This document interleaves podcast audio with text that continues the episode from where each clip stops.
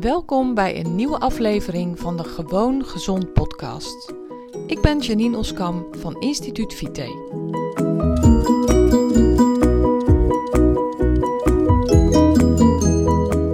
Hey, heel erg welkom bij een nieuwe aflevering van mijn podcast. Vandaag wil ik het hebben over een gesprek wat ik afgelopen weekend had met een hele goede vriendin van mij. En um, we hadden het over slachtoffer zijn. We hadden het over een slachtofferrol en je slachtoffer voelen en wat dat nou precies is en wat je daar dan mee bedoelt. En um, nou, eigenlijk kwamen we op dit gesprek door um, een aantal dingen die zij op een bepaalde manier voelt. En toen zei ik tegen haar van, joh, weet je, je moet je, moet je geen slachtoffer voelen. Want dat maakt je positie heel erg zwak. En toen zei ze tegen mij, ja, maar ja, slachtofferrol, ik heb er al wel eens van gehoord, maar ik begrijp nou eigenlijk niet precies wat het is. En ze zei, ik dacht altijd dat het betekende dat je je zielig gedroeg en dat je je zielig voelde en dat het eigenlijk een hele negatieve, ja, ze zei voor mij heeft dat een hele negatieve bijsmaak, een hele negatieve klank. Want ik zei het tegen haar en um, het was trouwens uh, heel erg liefdevol bedoeld. Want ik, ik bedoelde dat juist om haar een hart onder de riem te steken. En om juist om haar er weer bovenop te helpen. En juist om haar weer de regie in handen te laten krijgen. En zo had ik het ook al van tevoren gezegd. Dus op dat moment durfde zij eigenlijk ook te bekennen dat ze het eigenlijk een hele akelige. Um, akelig woord vindt, een akelige rol, uh, zoals je wil. En uh, nou, ik was eigenlijk heel erg blij dat ze me dat zei, want op dat moment konden we er ook over praten en kon zij ook uitleggen wat zij dacht dat het was en kon ik haar vertellen wat ik ermee bedoelde. En um, ja, het kan natuurlijk ook heel goed zo zijn dat er verschillende betekenissen zijn van slachtofferrol. En dat iemand anders er iets anders mee bedoelt dan dat ik ermee bedoel. Al denk ik dat eigenlijk. Ja, dat, nou goed, dat weet ik eigenlijk niet. Want dat zou zomaar kunnen. Maar ik ga je nu vertellen wat ik ermee bedoel. En ik ga ook vooral vertellen wat ik ermee bedoel om niet in de slachtofferrol daar moet je niet in willen zitten. Want dat zei ik eigenlijk tegen haar. En wat ik daar dan precies mee bedoel. En hoe je dat dan ook kan veranderen. En nou goed, daar, ik dacht dat is, dat is natuurlijk eigenlijk een prachtig onderwerp. Het is sowieso een prachtig onderwerp, vind ik. Want het geeft heel erg veel verandering in de dingen die je kunt doen als je er op een bepaalde manier naar kijkt. Maar het is dus ook een heel mooi onderwerp, omdat bleek uit ons gesprek dat zij iets heel anders dacht over die slachtofferrol dan dat ik ermee bedoelde. Nou, um, wat bedoel ik met de slachtofferrol? Met de slachtofferrol bedoel ik dat je anderen de schuld van iets geeft of um, jezelf onmachtig voelt omdat je iets wordt aangedaan door een ander of door een situatie of dat je in ieder geval niet bij machten bent om de regie over de situatie te nemen. Um, dat je niet kunt kiezen dat het je overkomt. En al die dingen maken jou verschrikkelijk onmachtig. En maken jou kwetsbaar. En zorgen er eigenlijk voor dat je niets met die situatie kan. Als slachtoffer ben je gevangen als slachtoffer ben je gevangen in de situatie. Je kan daar niet uit, want een ander doet het je, het je aan en jij kan er niets aan veranderen. Dat is slachtoffer zijn. En die ander kan ook een situatie zijn. En wat bedoel ik er dus mee als ik tegen haar zeg van je moet er niet voor kiezen om slachtoffer te zijn? Daarmee bedoel ik te zeggen dat je verantwoordelijkheid moet nemen.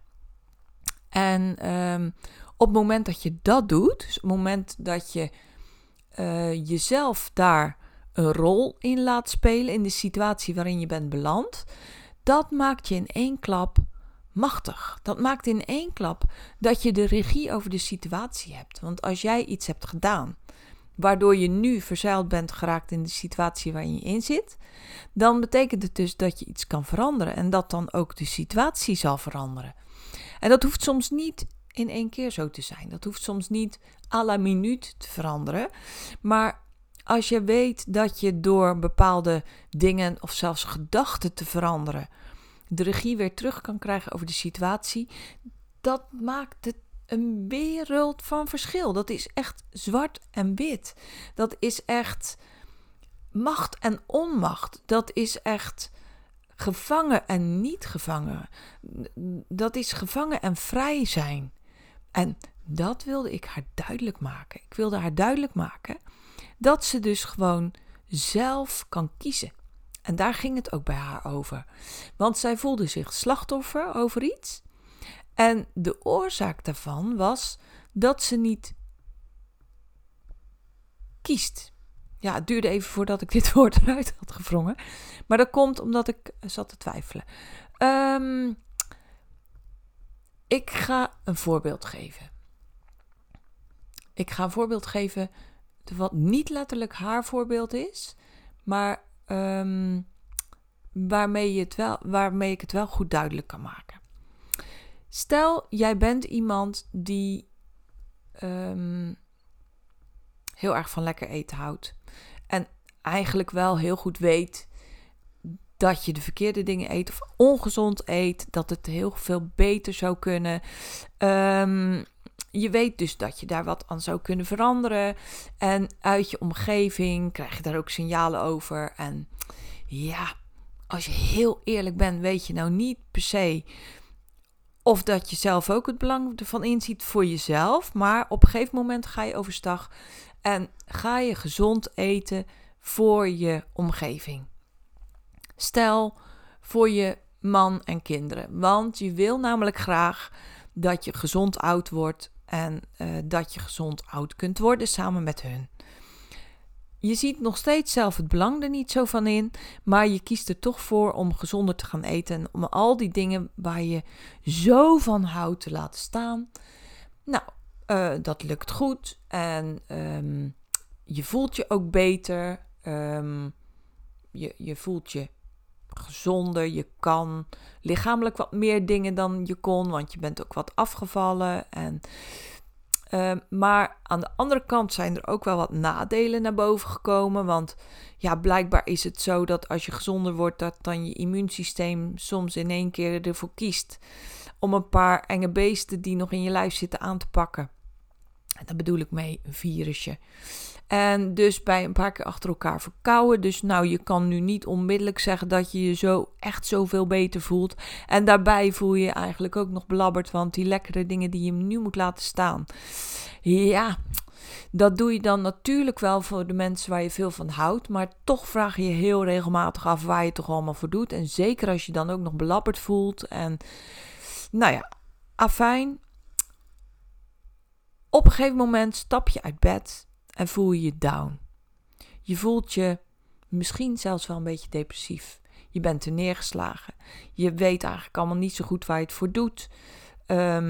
Ja, je weet het eigenlijk wel met je verstand, maar zo voelt het niet. En op dat moment voel je je slachtoffer. Want je hebt er namelijk wel voor gekozen, maar eigenlijk doe je het niet voor jezelf, maar voor de mensen waar je zoveel van houdt. Natuurlijk heel erg nobel. Maar ondertussen hoor je ook wel als je mijn verhaal terughoort dat je het er nou niet echt helemaal mee eens bent. Je staat daar niet voor 100% achter. En op dat moment voel je je slachtoffer.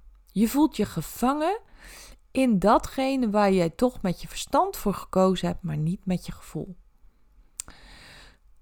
Je wordt depressiever en depressiever. Je voelt je neerslachtig. En je gaat ook nog tegen jezelf zeggen: waar doe ik het allemaal voor? En nou ja, dan ben ik ook nog depressief. En ja, ik ben ook weer verkouden al voor de derde keer. Want telkens komt dat weer terug. En ja, nu kan mijn omgeving wel zeggen: van maar dat komt omdat je gezonder wordt. En het zal allemaal wel, maar zo voelt het helemaal niet. Op dat moment, als je er zo over denkt, zit je te klagen. En dat geeft niet, want dat mag. Maar ga bij jezelf dan te raden of dat je dit echt wel moet doen. Je kan twee dingen doen. In mijn optiek. Je kan of jezelf toespreken, heel goed nadenken waarom je dit doet en kies er dan ook voor 100% voor. Het allerbeste is dat je iets doet vanuit jezelf, hè, omdat je er zelf van overtuigd bent dat dat goed voor je is. Maar je kan er ook van overtuigd zijn dat het goed voor je is, omdat je doet voor de mensen die je lief hebt. Maar wees ervan overtuigd. Ben je dat niet, doe het dan niet. Want dit soort dingen doen voor een ander werkt niet. Ook niet als je die mensen lief hebt. Zeker niet als je, als je jezelf slachtoffer voelt. Want dat moment voel je je een gevangene. Nou, en dat is natuurlijk, daar knapt niemand van op. Daar knapt echt niemand van op. Dus een slachtofferrol is echt zo een verschrikkelijke slechte rol. En ik wilde haar dus zeggen van je kan ook voor het andere kiezen. En misschien kies je wel steeds voor het andere als je heel eerlijk bent naar jezelf. Dus om uit die slachtofferrol te kunnen komen, moet je 100% eerlijk zijn naar jezelf. Wil ik dit? Of wil ik dit niet? En zoals ik al eerder zei, die keuze kan je op verschillende gronden maken. Die keuze is helemaal aan jou, 100% aan jou. En als je kiest, kies dan vanuit je volle overtuiging.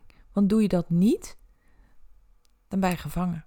Dan ben je misschien wel een gevangene van jezelf, hè, want je houdt je voor dat je ervoor kiest. Dus moet je het zo doen.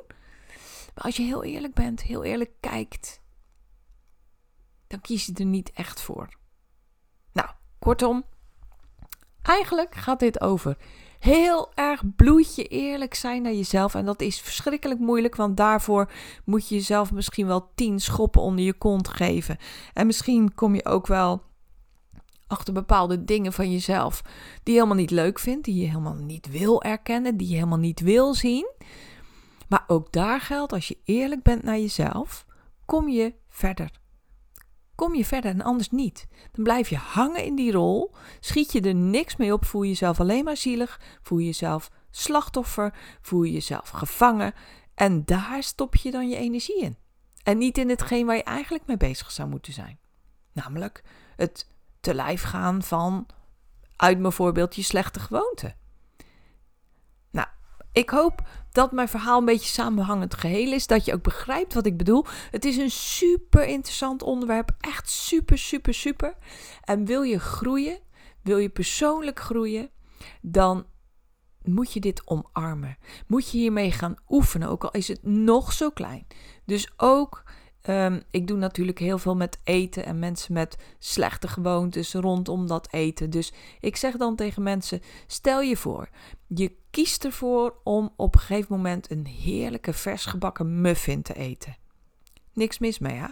Niks mis mee. Maar doe het vanuit je volle overtuiging en aanvaard de consequenties die eraan zitten. Want zeg jij ja tegen die muffin op een bepaald moment, zeg je misschien ook wel ja tegen de nadelige consequenties één of twee dagen later, of diezelfde dag nog. Stel je voor dat je buikpijn krijgt van die muffin. En je weet dat. Op het moment dat je hem in je mond stopt, zeg je dan ook tegen jezelf: Oké, ik doe dit, ik ga er voor 100% van genieten. Dat moet je dan ook doen, zou ik altijd doen, want anders heb je er niks aan.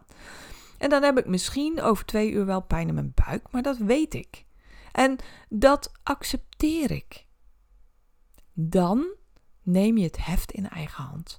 Dan heb je de regie in je hand en ben jij straks geen slachtoffer van die buikpijn, want daar heb je voor gekozen. Als je het weet, kies je ervoor. Kijk, dingen die je niet weet, daar kan je niet voor kiezen. Maar hier kan je voor kiezen. Bijvoorbeeld, je kan niet tegen gluten, hebt toch zin in die muffin. Je weet ook dat je, als je die muffin eet, twee uur later buikkramp hebt. Met als gevolg zelfs een aantal toiletbezoeken die minder aangenaam zijn. Nou, dat kan. En dan nog kan je ervoor kiezen om dat wel te doen. En dan ga je er heerlijk van genieten en je aanvaardt de consequenties. Dan ben je sterk bezig. En je zal ook zien, als je het op die manier doet, dat het gewoon goed voelt. Stel je wil graag afvallen en je neemt ook die muffin. Dan zou je er ook rekening mee moeten houden dat de dag later de weegschaal niet iets naar beneden is gegaan, maar misschien wel iets naar boven. Nou, so what? Dan ga je de dag daarna weer um, met volle kracht erachteraan. Geeft niks. Zolang je het doet en je aanvaardt de consequenties, pardon, je bent je bewust van de consequenties, moet jij eens kijken hoe sterk je je voelt. En ga je daarin trainen, begin met de kleine dingetjes. Maak de dingen steeds groter en je zal zien dat het werkt. Je zal zien dat je hiervan groeit. Je zal zien dat je hiervan next level gaat. Echt, dit is een mega shift. Als je dit doorhebt, als je weet hoe dit werkt, dan geeft dit echt, dit is life changing. Het was voor mij life changing. Niet meer slachtoffer voelen, maar de consequenties nemen, de regie pakken en de dingen doen die jij nodig vindt. En dus ook de nadelige dingen die daarbij inbegrepen zijn en bij horen. Nou, ehm, heel veel succes met het oefenen hiermee. En um, nou, laat me even weten wat je ervan vindt. Laat me ook even weten hoe je het ervaart, want daar ben ik echt super benieuwd naar. En ehm, natuurlijk uh, praat ik hierover in mijn coaching sessies met mijn klanten. En natuurlijk hebben we het hier uitvoerig over. En natuurlijk hoor ik van deze mensen wat zij eraan hebben. En eigenlijk stuk voor stuk, als ze het trucje doorhebben. Ja, het is geen trucje. Als ze de methode doorhebben, nou, dan maken ze allemaal grote stappen voorwaarts. Maar ik zou ook graag van jou willen weten wat jij ermee hebt gedaan en hoe jouw ervaring hiermee is. Succes en heel graag weer tot de volgende aflevering.